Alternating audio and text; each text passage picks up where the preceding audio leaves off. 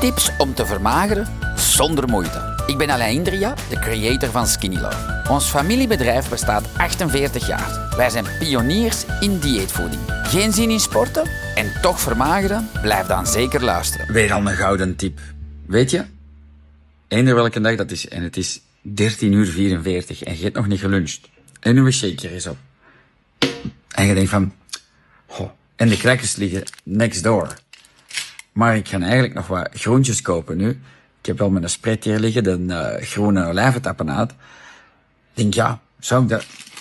Um, dat deed ik vroeger in mijn obese tijdperk. Zo weet je, am, jam, jam, jam, nog am, jam, jam, jam. Al is dat skin love proof food. Nee, ik leer zoiets aan mijn maag van, nee, weet je wat? En aan mijn brains, nee, ga gewoon eens wachten. Ik ga wachten totdat het eten klaar is. Dat is heel raar. Niet beleefdheid.